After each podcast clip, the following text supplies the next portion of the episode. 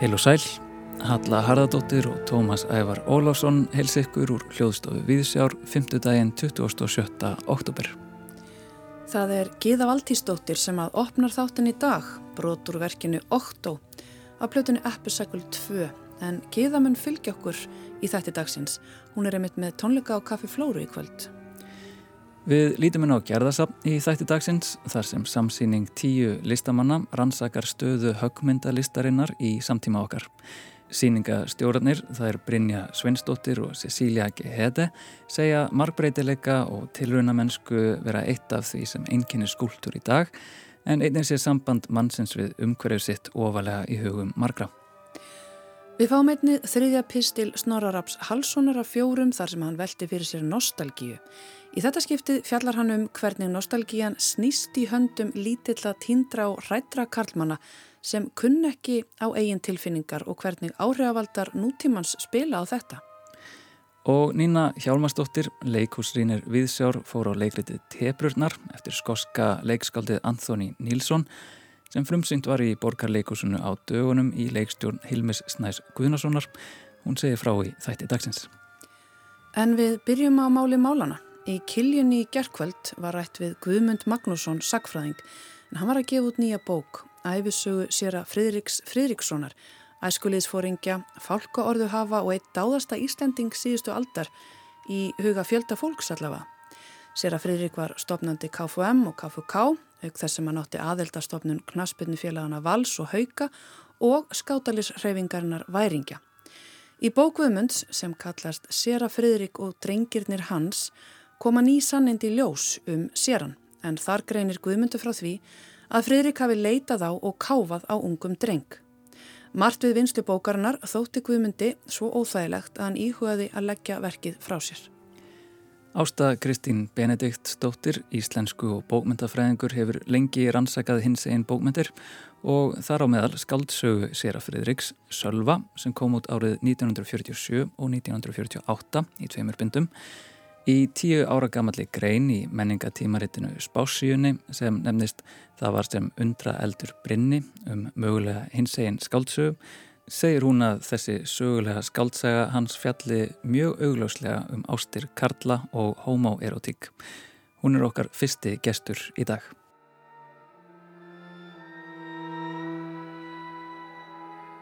Vertu velkomin í Vísjá, Ásta Kristín Benediktsdóttir, bókmyndafræðingur. Takk fyrir. Kanski til að byrja með, þú ert búin að skoða hins eginn sögu lengi. Getur aðeins sagt okkur bara frá því hver þú ert og svona frá þínu rannsóknarsviði?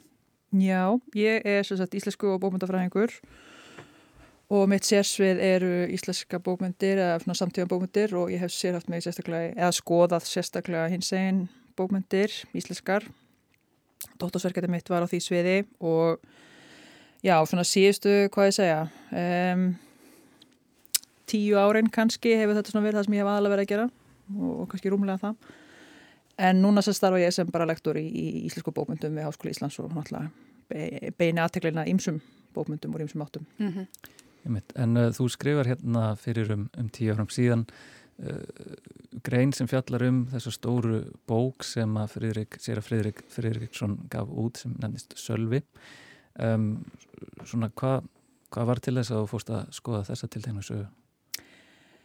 Ég var að skrifa á dóttorsykir þá, það tók mér nú daldi langan tíma eins og oft vil vera um, þetta var svona hlýðarverkefni ég var að, að skoða uh, ég, ég endaði að skrifa síðan um, um Elias Marr og hans verk Eh, ég viðaði að mér alls konar upplýsingum um íslenskar hinsegin bókmyndir eða eitthvað sem mætti lesa sem hinsegin bókmyndir sérstaklega frá fyrirluta 20. aldar svona í leiðinu að því þurfti bara áttum á því hvernig sviðið svona liti út og í því ferli það fekk ég náttúrulega aðstof frá alls konar fólki og það var alveg öruglega Þorvaldur Kristinsson um, sem að bendi mér á Sölva, þessa sögulegu skaldsög sem ég hafi bara aldrei nokkuð tíman heyrt um sko. Mm -hmm. Það var þannig sem ég komst á svona, þetta er þess að slóð mm. og, og um hvað er þessi skáldsöða? Þetta er þess að mikið verk, þetta eru 700 er umlega 700 síður í tveim bindum bók sem að Sýra Freirik raun og veru alltaf aldrei að skrifa sem helstaða skáldsögu held ég heldur og hann segir frá þessu í, í formála eða eftirmála af bókinni að hans að þetta eru svona sögur sem hann sagði drengjónum á fundum hjá KFK, nei KFM fyrir ekki, svona til þess að skemta þeim. Og hann byrjaði að spinna þessa sögu um þennan dreng, Solva, sem er uppi á átjándu öld, íslensku sveitadrengur á átjándu öld. Og sagan sérst bara vatt, vatt sig áfram og endaði að tegja sig um endalega talsvöld mörg sögukvöld og, og var síðan tekið saman í þessa þetta mikla verk, en þetta allur síðar þannig að hún er sko þó hún komi út 47-48 þá er hún talsveit eldri þessi, þessi saga. Mm.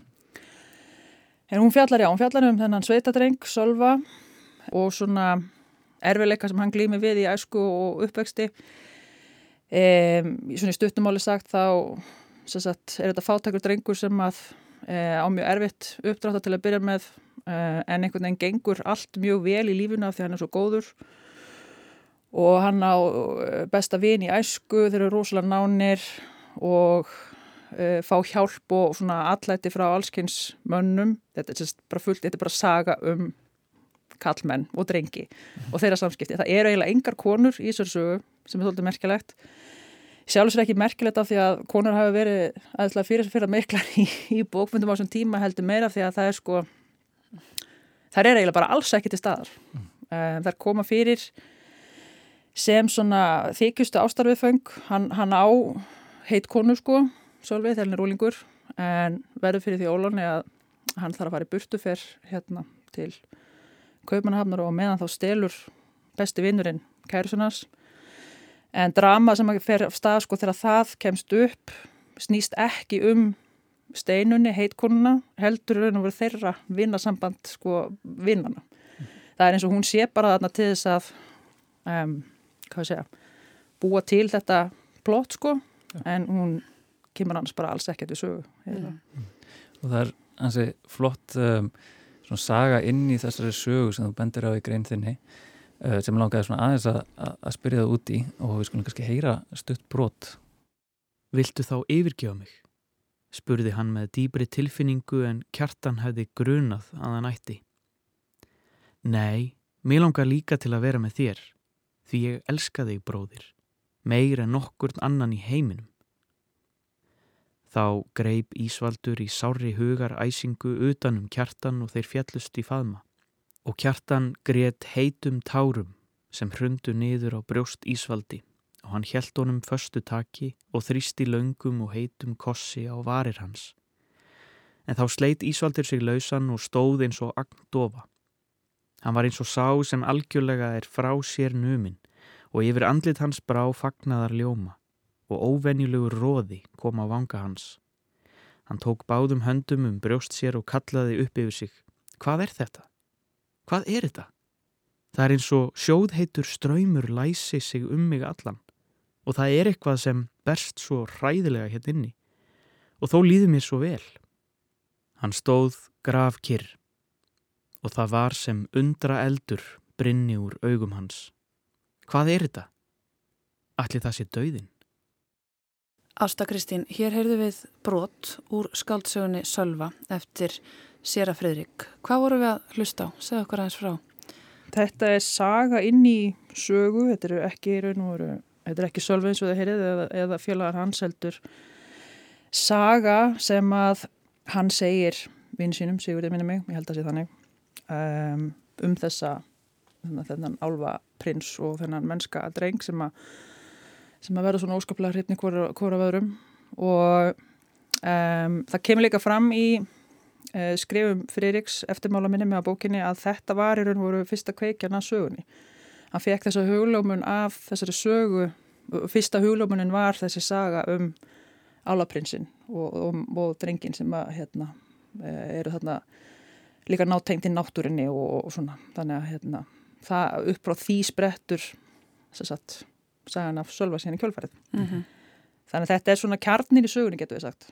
Og uh, já, þú, þú er með talar um að þetta sé eins konar líkil þá að, að verkinu í, í tólkun en um, og, og Sölvi fjallar náttúrulega svona kannski um ástir meðal Karla en það, þú segir að það er mjög mikilvægt að gera sko þennan greinamenn á romantískum vináttuböndum Karla mm -hmm. og síðan samkynneið annars vegar og, mm -hmm. og, og, og þessi greinamennir hafið einmitt kannski tekið smá breytingum í gegnum aldinar, getur það sagt okkur frá því? Já, það er sko þetta er Um, það sem er svo heitlandi við að skoða hins veginn bókmyndir frá því fyrir tíma, segjum bara fyrir 1970, er að maður þarf yfirleitt að tólka alltaf mikið að því að fólk var yfirleitt ekki að skrifa hlutina beinum orðum og svo veit maður náttúrulega aldrei hvort að höfundurinn ætlaði sér að skrifa eitthvað beinum orðum en ekki, þú veist að getur eitthvað, fólk getur verið að tjá alls konar hugmyndir að þess að e, hafa sömu sko ætlun eins og við myndum gera í dag. En sagt, í sölva til dæmis þessari skáldsögu þá er engar eh, náttúrulega killífsinnur á milli kalla en eitt þannig, þetta, þetta er ekki þannig, þannig ástasaga um, ástir Sölva og vinarans eru aðalega andlegar, mjög mjög sterkar vina ástir og þeir nota orð til þess að tjá ást sína hvora öðrum sem við í dag til dæmis myndum tengja við ástasambönd frekara vináttu en, en þannig er náttúrulega munur á bara tjáningu uh, nú og fyrir hundra árum síðan. Það eru svona nokkur atri í bókina sem að er svona eiginlega líkamlega erotík í gangi um, en maður þarf satt alltaf svona svolítið að, að tólka en sko augljósasta líkamlega erotíkin er í þessari álvasögu mm. sem er lesin að þeir kissast bókstaflega og ekki bara þessum sko sko kallmenn kistust alveg á þessum tíma vinakossum sko en það sést bara á þessari lýsingu þetta er ekki bara hefðbundi kveðjukoss tvekja karla þetta er, þetta er, þetta er mikla tilfinningur ástriða þarna baki En uh, myndið þú flokka Sölva eftir Sýra Fridrik sem hins eginn bókmynd? Já, að finna er að sko það eru 11 ár sín skrifa sig grein. Og uh, ég er svona erfarin að vera sjálfsörgari og lífsrendari bara. Ég myndi stíga miklu fastar niður fæti í dag. Ég myndi skrifa þessa grein aðurvísi og ég myndi taka miklu fastar til orða. Þetta er klálega hins eginn skáltsa, já. Mm. Og ég myndi fjalla kannski aðeins öðru í summana líka, ég myndi ekki setja kannski alveg smikla varnagla, en að þess að þetta er ég man á þessum tíma þess að finnst ég hvað marg getur breyst á stundum tíma að af því að það var svo lítið búið að skrifa um hins eginn bókmyndir og hins eginn sögu á Íslandi, þá vorum við svo varkár, við þurftum alltaf að hafa svo mikla sönnunabyrði eða sönnunabyrði var svo mikil á okkur, einhvern veginn að geta sínt alltaf rökin og heimildirnar áður við getum ferða í að því að eitthvað í gamla dag hefði verið hins eginn En núna erum við, sem eru búin að vera garfi í þessu síðustu ár, oðinn svolítið örugari og við höfum verið að tala um okkar á milli að við þurfum bara að vera svolítið djarfari í að sko hætta að láta þess að söndunarbyrja alltaf vera okkur. Af hverju gerum við alltaf ráð fyrir því að allt sé gagin eitt áttur annað er sannað, þið veitir. Þannig að í dag myndi ég stíga talsvert um, svona já, fastanir í fæti og ég myndi alls ekki segja í títli þessara greinar að þetta veri möguleg hins seginskálsa. Mm. Hún er það bara. Mm -hmm. Já, þetta er líka eins og þú segir í sko Facebook-pisleginum, þá er þetta líka viðkvæmt mál. Þetta er þetta viðkvæmt mál sko í bókmyndafræðinu þá má ekki draga saman sem merkja á milli höfundar og skaldverks. Og svo líka er þetta viðkvæmt mál vegna þess að tíminn hefur liðið. Tíminn sem var, var annar. Á þessum tíma varu þetta oft bara sett saman sem merkja á milli samkynniðar og, og einhvers konar uh, uh, barnagindar. Já, Þegar ég skrifaði þessa grein þá einmitt sko um, skrifaði ég næstu ekkert um Fririk sjálfan af því að bæði náttúrulega vildi fara varlega og, og einmitt ekki draga álöktanar um höfundin út frá skáldverki mm. og, og ég menna ég er ennþá þeirri sko en að maður þurfa að stíga varlega til jarðar þar sko en hérna það sem kemur sér í ljós núna eh, og kemur sér líka ljós þegar ég fyrir að skoða glósurnar frá því fyrir 11 árum síðan þegar ég var að skrifa þessa grein að þá um, eru svo, marg, er svo marga vísbendingar um það að sér að fyrir Erik og við getum bara sagt það upphátt núna að hafi verið fyrir kallmenn eh, og drengi hvort að eh, við eigum að kalla þetta barnagind eða, eða samkynneið í nútíma skilingi er náttúrulega eitthvað sem hættir að deila um en þetta er bara svo ofbásla flóki og viðkvæmt efni af því eins og þú segir. Á þessum, þessum tíma þá var voru hugmyndi fólks um samkynja langanir um, bara allt, allt, allt aðra í dag voru notu allt unnur orð, allt unnur hugtök og það var ekki gerður þessi skýri greinamunur á aldri ástafiðfangsins uh, eins og er í dag. Emitt.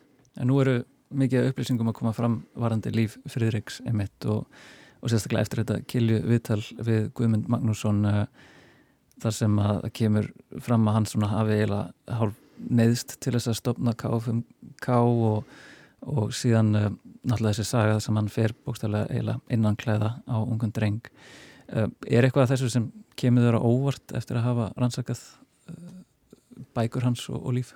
Nei, ég raunin ekki. Ég bjóst alltaf við því að þetta væri það sem hefði í raun og veru gerst en, en þú getur ekki náttúrulega sagt að hans að hafa sannari fyrir því og ég er ekki búin að lesa bóku um þetta en ég veit ekki nákvæmlega hvað hann er að uh, skrifum, mm. veist, en ég er mjög spennt að lesa það en þetta er náttúrulega þetta er Sko ég kallaði þetta í morgun þegar ég skrifaði Facebook-pistilið og saði við að hefðum alltaf vitað þetta með gæsalapum utanum vitað af því að með hins eginn sögu svona þessa tíma þá veit maður mjög sjaldan eitthvað fyrir víst nefnum maður hafi persónulegar sko heimildi fyrir en maður getur samt vitað eða allavega gruna mjög sterklega, mjög margt.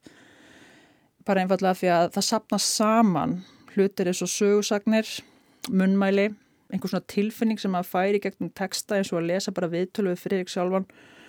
Það sem hann skrifar, skáltsugunans uh, eh, það sem fólk segir um hann uh, fleiri svona tilfinningar sem styrkja það að hann hefur verið kynferðislega uh, áhuga samar um drengi byrtast líka í bara ég meina bara stittun í lækjagötunum, við getum bara sagt það.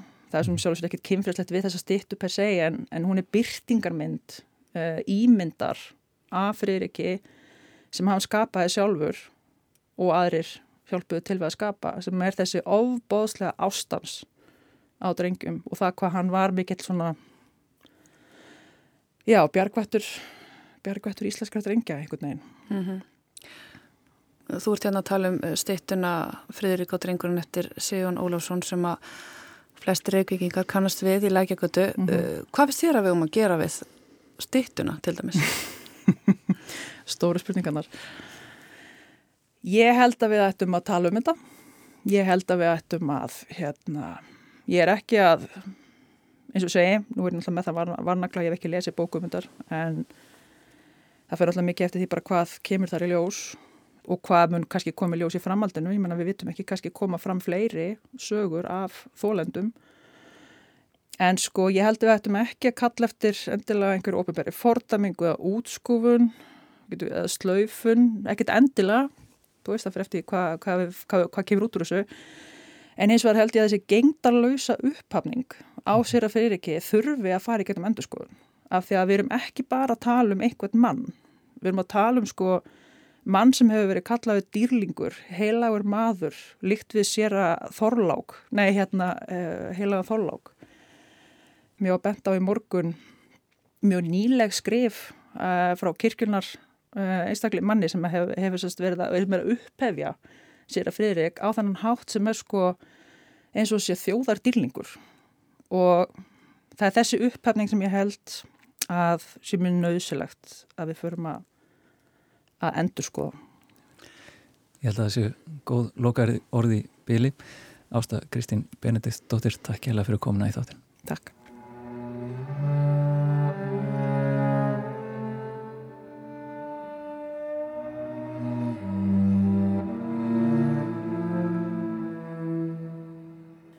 Við rættum hér við Ástu Kristínu Benediktsdóttur, íslensku og bókmyndafræðing um skáldsöguna Sölva eftir sér að Fridrik Fridriksson, bók sem hún skoðaði sem hluta af doktorsverkefni sínum sem fjallaði um hins egin bókmyndir.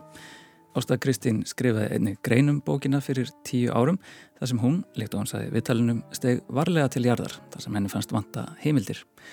Bók Guðmundar Magnússonar, sér að Fridrik og drenginir hans varpar nýjum heimildum um lífsýra fyrir yks eins og kom fram í kiljunu í gerð. En við ætlum að halda okkur við Bjarma og skugga fortíðar hér í þættunum. Snorri Rafn Halsson hefur verið að rannsaka hugtækið nostalgíu eða fortíðarþrá og í dag skoðar hann hvernig óöryggir drengir og karlar horfa gjarnan aftur til fortíðar í leitað einfaldari og betri tímum.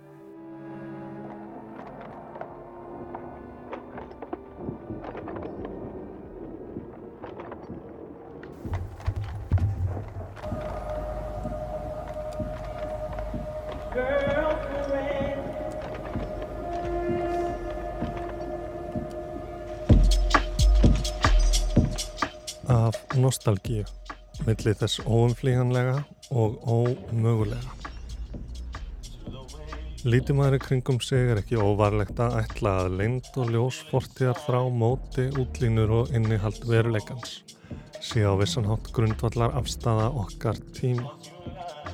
En hvað er okkar tími ef hann er ávalt nú þegar liðin?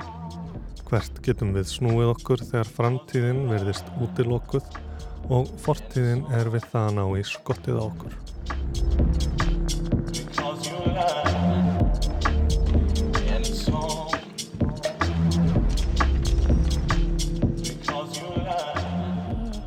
Fram að þessu hef ég farið með nostalgíuna mjúkum höndum, tekið hana vellingatökum.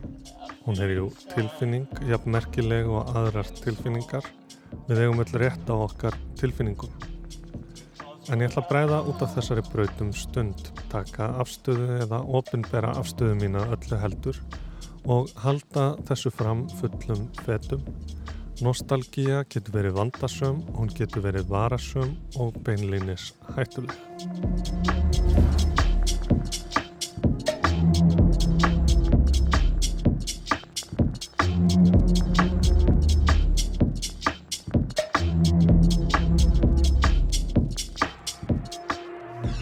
Síðasti pistillum hinn mörgunöfn nostalgíunar kend okkur eitthvað er það það að nostalgían er mörg, ekki bara heimþrá í sinni einföldustu mynd, heldur líka söknuður, eftir sjá, vendum þykja, viðleitni hugans til að endurvekja hið liðna. Henni er meðlæði gegnum tungumálið, tekur á sig mynd eftir personu, viðfangi, stað og stund. Þegar við getum nefndana, hvort sem það er með yfirheitinu nostalgía eða tjónsknota, sádat, lítost og svo framvegis, þá skiljum við hana. Setjum hana í flokk, getum orðað hana fyrir sjálfum okkur og öðrum. Leift henn að vera, tekist á við hana, hlustað á það sem hún segir okkur, lagt á hana mat. Þetta er tilfinningagreint 101. Hvert leitar hugur þinn þegar ég segi þér að ímynda þér sælureitt sjá fyrir þér happy place? Er það hengirúmið undir pálmatrínu á kvítri ströndinni sem bíóið hefur greift í menningarvitund okkar eða er það eitthvað úr þinni eigin fortíð? Ef það er hitt síðan nefnda og þú getur auðveldlega farið ángað, átt ekki erfitt með að snúa þaðan heldur, þá kanntu að fara með nostalgíuna að einhverju leiti allavega. Nostalgían skýtur gerðan upp kollinum á umbrótatímum, hvort sem það er eitthvað sem brýst um innra með okkur eða þarna úti í samfélagi mannana. Við sækjum aftur í einfaldari tíma, tíma þegar sakleysi virtist okkur enn raunverulegt, þegar hlutinir voru auðveldari, heimsmyndin skýrari. Það að láta undan fortíðarþráni um stund, hleypa hennu liðna inn í hið líðandi sem tímabundnu haldreipi, hverfullri vissu, getur haft róandi og sefjandi áhrif.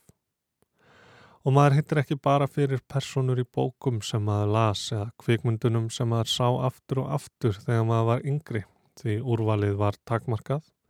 Heldur verður maður einnig á vegi yngri útgafu af sjálfumanni. Útgáfu sem hafði drauma á þrár, drifkraft og vendingar til framtíðarinnar og lýsir upp glemta hluti sjálfsins sem hafa leið í dvala en eru þarna enn. Fer með mann aftur í öryggið sem maður upplifði áður en lífið hófst fyrir alvöru, með sínum áskorunum, ástum, áföllum og óskoruðu ábyrð.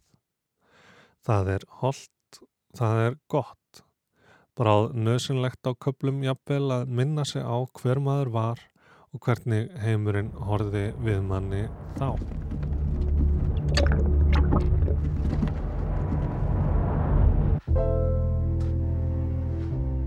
En svo er það það sem við ekki hendum reyður á. Það sem kræmar innra með okkur og við verðum aðeins vörfið á óljósan hátt.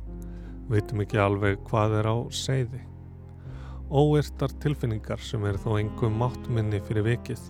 Þó áhrif þeirra sé ekki hægt að rekja eins beint til uppruna þeirra eru þær samt þarna. Og tilfinningarnar sem fá ekki að vera tilfinningar þurfa að finna sér aðra leið upp á yfirborðið. Bregða sér í dulargerfi til að smigla sér inn í meðvittundina sem eitthvað allt annað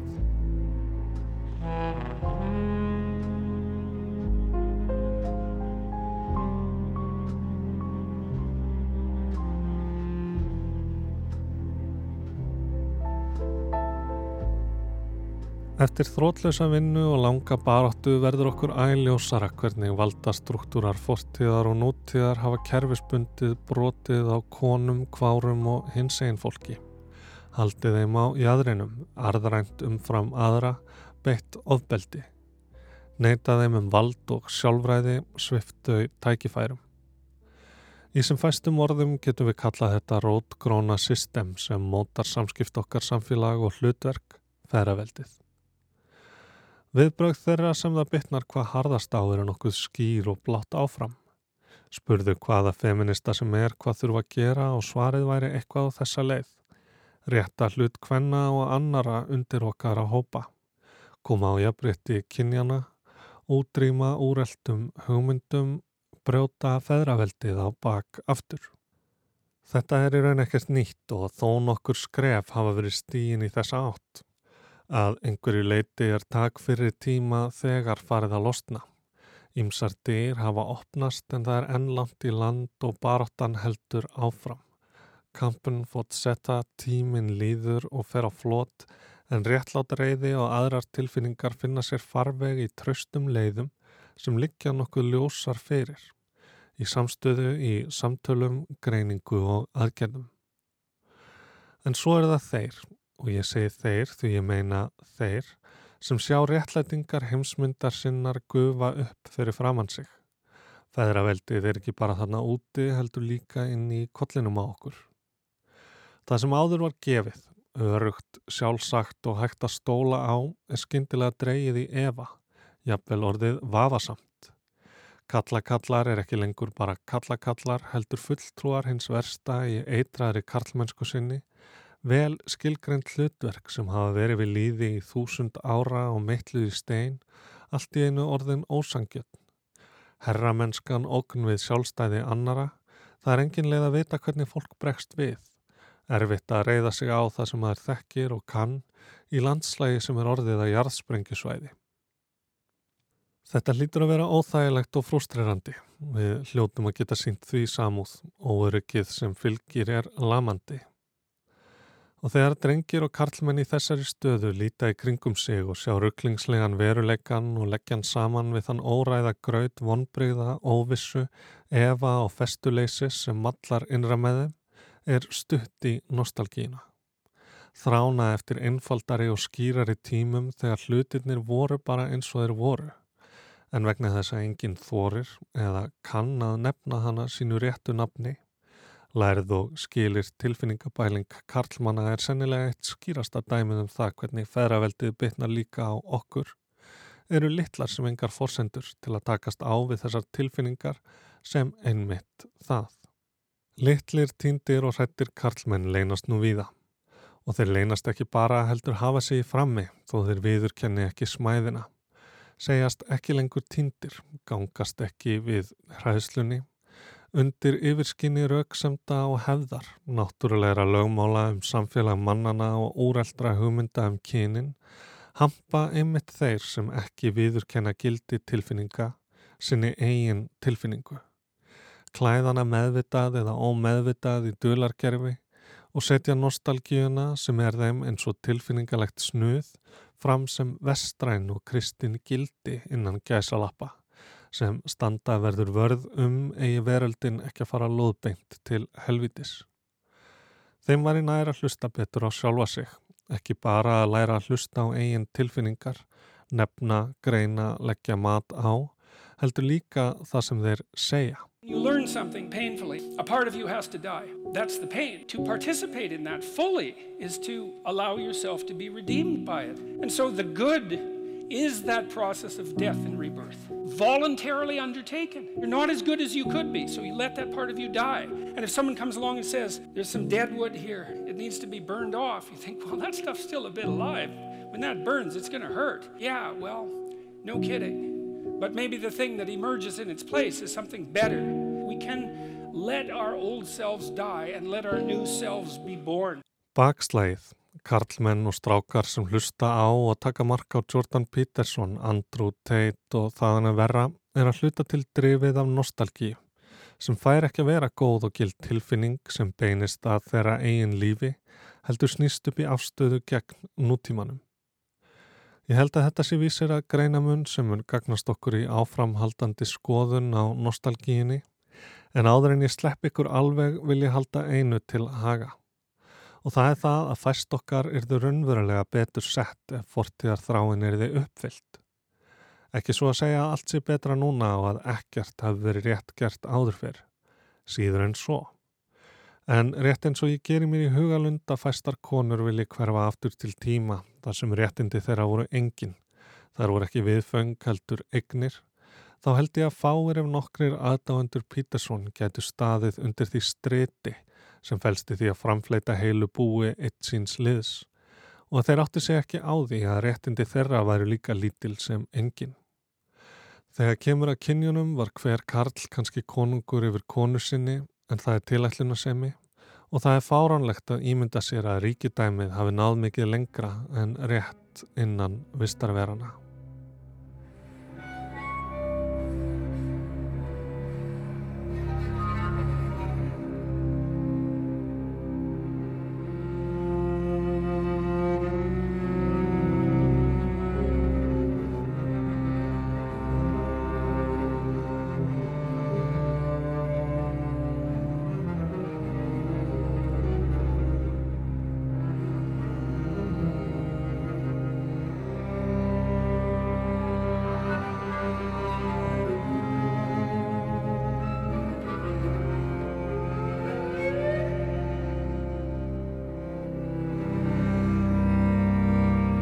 Áfram fylgir Gíða Valtísdóttir okkur í gegnum þáttinn.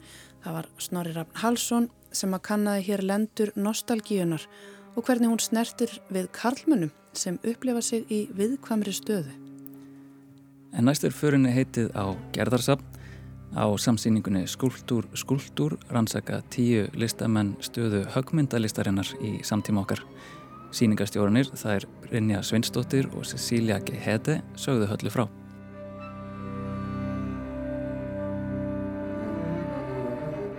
Byrjum aðeins bara á hérna aðdragandanum, hvernig hérna þetta kom til. Þetta er í fymta sinn sem að þið eru að rannsaka stöðu skúltúrsins bara í samtíma okkar. Já, síningurinn Skúltúr Skúltúr, hún er þess að þetta er haldi núna í fymta skipti og þetta er síningaröð sem hófst í rauninni sem tilraun að tengja saman samtímalist, svona nýlega síningarsögu og arleð gerðar helgadóttur og við erum náttúrulega hérna, stopnu til heiðusgerði Helgadóttur og einasaf landsins sem er tilenga listakonu. Og með þessari síningaröð þá erum við kannski aðeins að velta fyrir okkur hvað gerður hefði verið að gera ef hún væri levandi í dag. Vegna þess að hún var mjög tilraunakend og framúrstefnuleg og hún, ég er ekki vissum að hún væri í mótunískum skuldurum ef hún væri levandi í dag, hún væri ekkert ólíklegt að hún væri að prófa mörkin og milli miðla og, og vera mjög tilraunakendi sinn nálgun Þannig að þessi seria, hún eiginlega veldir upp þessum spurningum, hver er staðskultúrsins í dag? Og títillinn skultúr, skultúr kemur frá síningu sem var haldið 94 á kjærvalstöðum sem hétt skultúr, skultúr, skultúr og það var stór samsýning sem var einmitt að taka stöðuna á skultúr, skultúr þess tíma og svo síning var haldinn sama ára og gerðarsafn opnar. Þannig að það er svona ákveðnar lúpur af tengingum og vísunum í þessari síningaröð mm -hmm. en síningaröðin hefur verið haldinn núna fjórusunum áður og í flestum tilfellum hefur þetta verið engasíningar tvær engasíningar ungra samtíma listamanna fyrir utan eitt skipti þar sem fjórum listamannum var búið að sína í rauninni sem í beinu samtali við verkgerðar sem var 2018 En við ákvæmum breyta þess til í ár og hafa opi kall og hafa stóra samsýning og völdum tíu samtíma listamenn til að sína saman á þessari síningu. Segð mér Cecilia aðeins frá þessum listamennum sem eru hér að sína, hvernig, hvað finnst þér svona að tengja þau og, og hvernig var valið inn? Já, þetta er rosalega skemmtilegt um, þegar maður er með svona opi kall þá e, fæ maður náttúrulega fjölda umsókna og listamenn sem bara kemur viðsvega frá og það er í fyrsta skipti líka sem við sjáum elendi listamenn í þessu samhengi. Þannig við erum með fimm íslenski listamenn sem hafi líka sókt innblástur erlendis um, og svo fimm elendi listamenn sem hefur uh, sókt innblástur í íslensku samfélagi á einhvern hátt. Um, hvernig er valið tíu listamenn. Þetta er náttúrulega að það voru engin kröfurgerðar, það var bara svolítið mikið uh, frelsi í þessu spurningu taktu stöðuna eða púlsinn á skúldurinn í dag og eru þessi listamenn ótrúlega fjölbreytur hópur. Um, það er ekki beint einkenni eða eitthvað sem um, eitthvað neginn samin að þau um, en þegar maður fyrir að skoða svo það sem þau eru að vinna með eru mjög skýr eitthvað neginn svona uh, þemu sem poppar upp í það sem þau eru að vinna með. Og auðvitað eru þau afverða samfélagin sem við lifum í og eru nokkur ábeirandi um, hluti sem fólk er að fást við í dag um, og það skýna svolítið gegnum í, á þessu síningu mm -hmm. Einmitt, hafið einmitt ákveða að skipta hann upp í þrjú þemu. Já, í sjálfu sér, þá eru er það þegar síningin kemur saman uh, þá, þá fundum við fyrir svona þremur þemum sem, sem eru kannski ekki mjög svona skýrt og skorið sko í síningunni sjálfur en við lefum okkur að draga þau fram í síningaskránni og það eru flestir af listamannunum er að vinna ný verk fyrir síninguna þannig að það er náttúrulega virkilega spennand að vinna þannig síningu þar sem þú ferð að fylgjast með verkinu þróast. Þú veist kannski í sjálfur sér ekki alveg hver, hver afurðin eða útkoman verður fyrir en það er farið að vera mjög stutt í síningu þannig að, þannig að það, það var líka virkilega spennandi fyrir okkur að fá einmitt að fylgjast með hvernig þróast skuldur í þessu samtali. En þau þemu sem við drögum út úr síningunni og má finna á einn eða annan hátt í verkunum kannski fyrsta er skuldurinn og samband hans við málverkið. Og þá er það verk sem eru kannski aðeins að vera svolítið stríðnisleg með hvað er skuldur verk sem eru jafnvel svona, í, sem virðast í fljótu bræði vera tvívíð en eru að leika sig með það að vera svona mörkunum að vera þrývíð eins og verk Claire Pogum sem svona tekur yfir stígan á milli hæða í safninu. Svo, og verk sem eru að vísa beint í málverkið eins og verk Eiglóar Harðardóttur þar sem hún er að í rauninni kannski umbreyta málverkum í skúldur og hugsa, hugsa hvar eru mörkin á milli þess maliríska og skúlduríska uh, Annað þema sem við fundum út úr verkonum var skúldurinn og maðurinn. Hvernig við erum að staðsetja okkur í okkar umhverfi og þá eru listamenn eins og Ívarglói sem er að vísa svona í hverstagsluti, húsgögn, jáfnveil svona fagurfræði skrifstofunar sem er mjög skemmtilegt að sjá svona inn í síningasal og það eru líka verkið eftir hana gerðþrúði hjörvar þar sem hún er til dæmis að vísa í hérna hagkjærfi og eru að vinna í rauninni mjög geometrisk verk út frá upplýsingum frá Sæðlabankanum þannig að það eru mjög svona beinar vísanir kannski í okkar samfélag og okkar manngerða umhverfi mm -hmm. í þeirra verkum. Þessi listamenn tekur að manneskjan tekur mjög skýra mhm. afstöðu á þessu síningu og þriðja þemað er hérna hvernig maðurinn nálgast náttúrunni. Um, og við höfum hérna þrjú verk sem er bara með, með mjög beinar skýrskotanir þau bjóða í rauninu bara náttúrunn inn í listasafn. Um, sem eitt á sér er uh, sterk afstæða og svolítið grýpur náttúruna einhvern veginn. Og þegar maður lappar inn í listasafn með hvita veggi og, og, og mjög stýri svona uh, umgjörð þá um, vekur það mjög mikla aðtegli og líka bara ákveðnum tilfinningum að því að við lifum í dag í samfélag þar sem náttúran skiptur okkur öllu máli og er allstaðar í umræðinni þannig hér er listamenn að fást við fegurðin í rauninni og hvernig við reynum að stjórna náttúran sem við í rauninni svo ölljóslega getum alls ekki. Einmitt. Sko nú eru þið búin að vera kafa ofan í þetta. Er þetta í fymta sinn sem er verið að taka púlsin á stöðu högmyndalistar í, í samtímanum og þú talaði hérna um áðanbrinja að Gerður væri sennileg ekki að vinna með mótenismann, hún væri að reyna að brjóta formið á eitthvað hátt. Þetta var hún að gera á sínum tíma en hvar væri hún í dag? Um, sérðu eitthvað svona, finnst eitthvað að sjá eitthvað svona þráð á þessari leið? Í sjálfu sér þá má kannski segja að sá þráður þannig þráð má finna í því að, að ef maður lítur til högmyndalista fyrirtíma þá er verið að takast á við efnið og það er verið að takast á við hvernig er hægt að nálgast ólíka tjáningu í skúltúrnum. Það sem áherslan er kannski svona innan skúltúrsins sjálfs. Það sem þú ert, ef þú hugsa bara um endurista skúltúra það er verið að reyna að ná fram fingerum áferðum, gagsægu efni í marmara. Og síðan svona þróast þetta áfram í kannski að, að afstæðan er meira samband skuldursins við umhverfið. Og í sjálfur sér var gerður farin að vinna þann hátt. Þegar hún er að vinna í sínum hjáttmörkum þá er hún að gera verk sem eru búa yfir ákveðinu tómarúmi innan verksins. Það sem þræðirnir eru að ramma inn tómið inn í verkinu. Og þessi eftirleitan er kannski bara komin ennþá lengra. Þar sem hefur verið að skoða rýmið og samband skultúrsins við rýmið og þá líka samband okkar við skultúrin og rýmið sem við stöndum í. Þannig að þá náttúrulega fara líka aðeins að mást út mörkin og milli til dæmis innsetning og skultúra og eins og við nefndum að þá er líka verk sem eru svona bæði tvívið og þrývið þannig að þetta er mikið svona leikur að umhverfinu og rýminu Mér finnst það að vera ótrúlega mikið tilraunamennska sem tengist náttúrulega líka beint í gerði.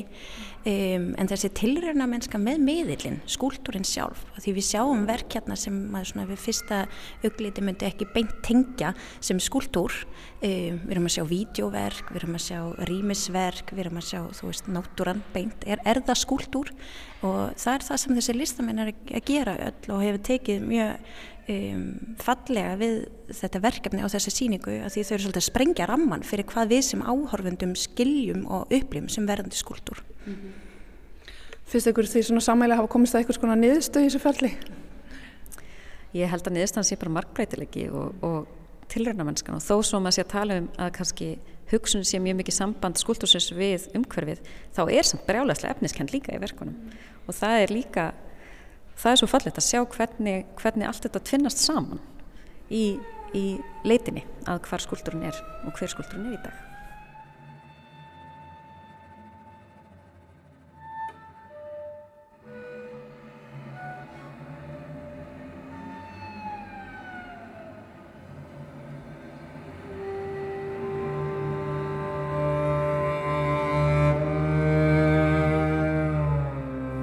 Rætti við þær Brynju Sveinsdóttur og Cecíliu G. Hede en þær eru síningastjórar síningarinnar Skultúr Skultúr sem nú er uppi á gerðarsafni og stendur fram í januar. En þá förum við í leikhúsið með Nínu Hjálmarsdóttur. Tebrurnar eftir skoska leikskáldið Anthony Nílsson var frumsýnt á litla sviði borgarleikusinn sem síðastliðna helgi. Vala Kristín Eiríksdóttir og Jörundur Ragnarsson fara með hlutverkin 2, leikstjóri er Hilmir Snær Guðnason en fínasta þýðing er í höndum Ingunar Snædal. Andri og Eva eru ungt par, hann 38 og hún 30, sem hafa verið saman í nýju ár en ekki stundað kynlíf í 14 mánuði. Nú eru þau stödd hérna í borgarleikusinu til þess að njóta ásta á sviðinu í loka tilrun til að bjarga sambandinu, hugmynd sem er ekki útskýrð neitt nánar en svo. Þetta ætlaðu að gera fyrir framann okkur áhörundur sem þau sjá og viðurkenna og tala við, fjörði vekkurinn brotin. Á fyrstu augnablikum verksins lýsa þau því yfir að þau séu ekki gift því að hjónabandið sé úrelt afsprengi feðraveldisins og við skiljum þetta eru nútíma Íslendingar, mitt í hinnum heteronormatíska skandinaviska sársöka. Verkið hefur verið staðfært til Íslands í dag og er það gert með ímislegum vísunum eins og mjög ósmekklagrar skýrskotunar til frægrar popsöngunu. Verkið er gamanleikur og brandararnir koma eins og taktslög og halda áhörandum við efnið en undir niðri krauma gömul áföll og félagsmótanir sem hafa nú áhrif á samskipti parsins. Þau reyna stöðugt að koma sér að ætlunaverkinu, að kynlífinu, en alltaf er eitthvað sem þarf að ræða og kýta um, ánþess að þau vogi sér nálagt rót vandamála sinna.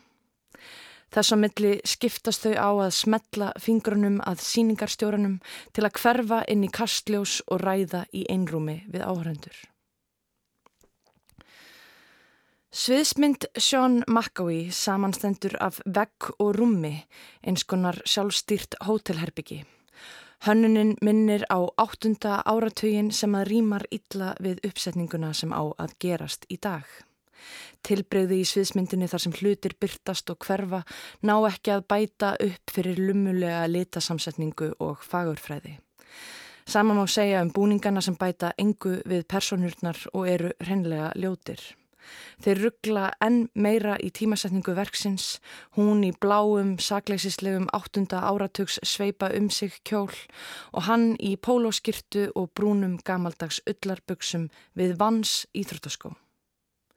Lýsing fjölnis Gíslasonar er látlaus og stendur fyrir sínu en fara að njóta sín í einu atriði þar sem Andri reynir að búa til kynþokkafulla stemmingu. Lítið fer fyrir hljóðmynd Ísidórs Jökuls Bjarnasonar nema dægurlega smellum sem allir þekkja og ágætis innskoti af kvala hljóðum í leit personuna að rétta andrúnsloftinu fyrir kynlífið. Leikritið var fyrst frumsýnt í Royal Court leikúsinu í London í april 2018 og berþess augljósan keim að hafa sprottið upp úr Me Too reyfingunni. Andri er þjakaður af slaufunar, komplexum og karla saminskupiti. Hann tala stöðut um það hvernig klám hefur mótað hann og hvernig karlmenn eru fórnarlömb líka. Á sama tíma og hann blætis gerir efu stöðugt, sakar hanna um að gera lítið úr karlmennsku sinni og skammar hanna fyrir að vilja ekki klæða sig í niðurlægandi múnduringu til að æsa kynkvöld hans. Andri er greinilega með djúb sálfræðileg sár og hræðist ekkert meira en að vera yfirgefin og útskúfaður. Personan minnir á menn sem að ringja í fyrirrandi elskuga til að byggjast afsökunar á hegðun sinni af óta við að vera slöyfaðir. Eða menn sem breyðast við kynfyrirsofbeldi með því að segja frá þessum eina gæja sem þeir telja að hafi verið ranglega sakaður eða menn sem haldaði fram að kvenlegir einleikar eins og viðkvæmni og blíða séu konum nöðsynlegir til að karlmenn laðist að þeim. Andri vill bara að allt veri gott aftur, allt verði eins og það var áður og að Eva sé það sem hann ímyndaði sér að hún væri. Verkið hverfist í rauninni um innra líf andra og Jörundur Ragnarsson tólkar hlutverkið stór vel. Hann hefur ansakað þessa típu gaumgæfilega og þekkir hvern einasta núans til hins ítrasta. Komiskar tímasetningar hans eru háréttar og salurinn orgar af flátri með fyndnustu línunum hans. Hið sama er þó ekki upp á teiningnum með hina personu leikritsins, hana Efu. Í rauninni stemmir ekkert sem að personan segir eða gerir því það kemur ekkert frá henni sjálfuri. Heldur gerur hún ekki annað en að bræðast við og staðfesta þið karlæga sjónarhorn verksins. Tólkun Völu Kristínar er síðan í ofanálag íkt og gerfileg, alltaf á sömu nótunni og aldrei einlæg, sem gerir personuna enþá meira hysteríska og pyrrandi, en reyðin sem hún hefur gagvart andra fær aldrei neina útskýringu. Við fáum aldrei að sjá dýbra en yfirborðið. Jafnvel þegar hún er að reyna að hugreista andra og vera góð við hann, þá er hún yfirlætisleg.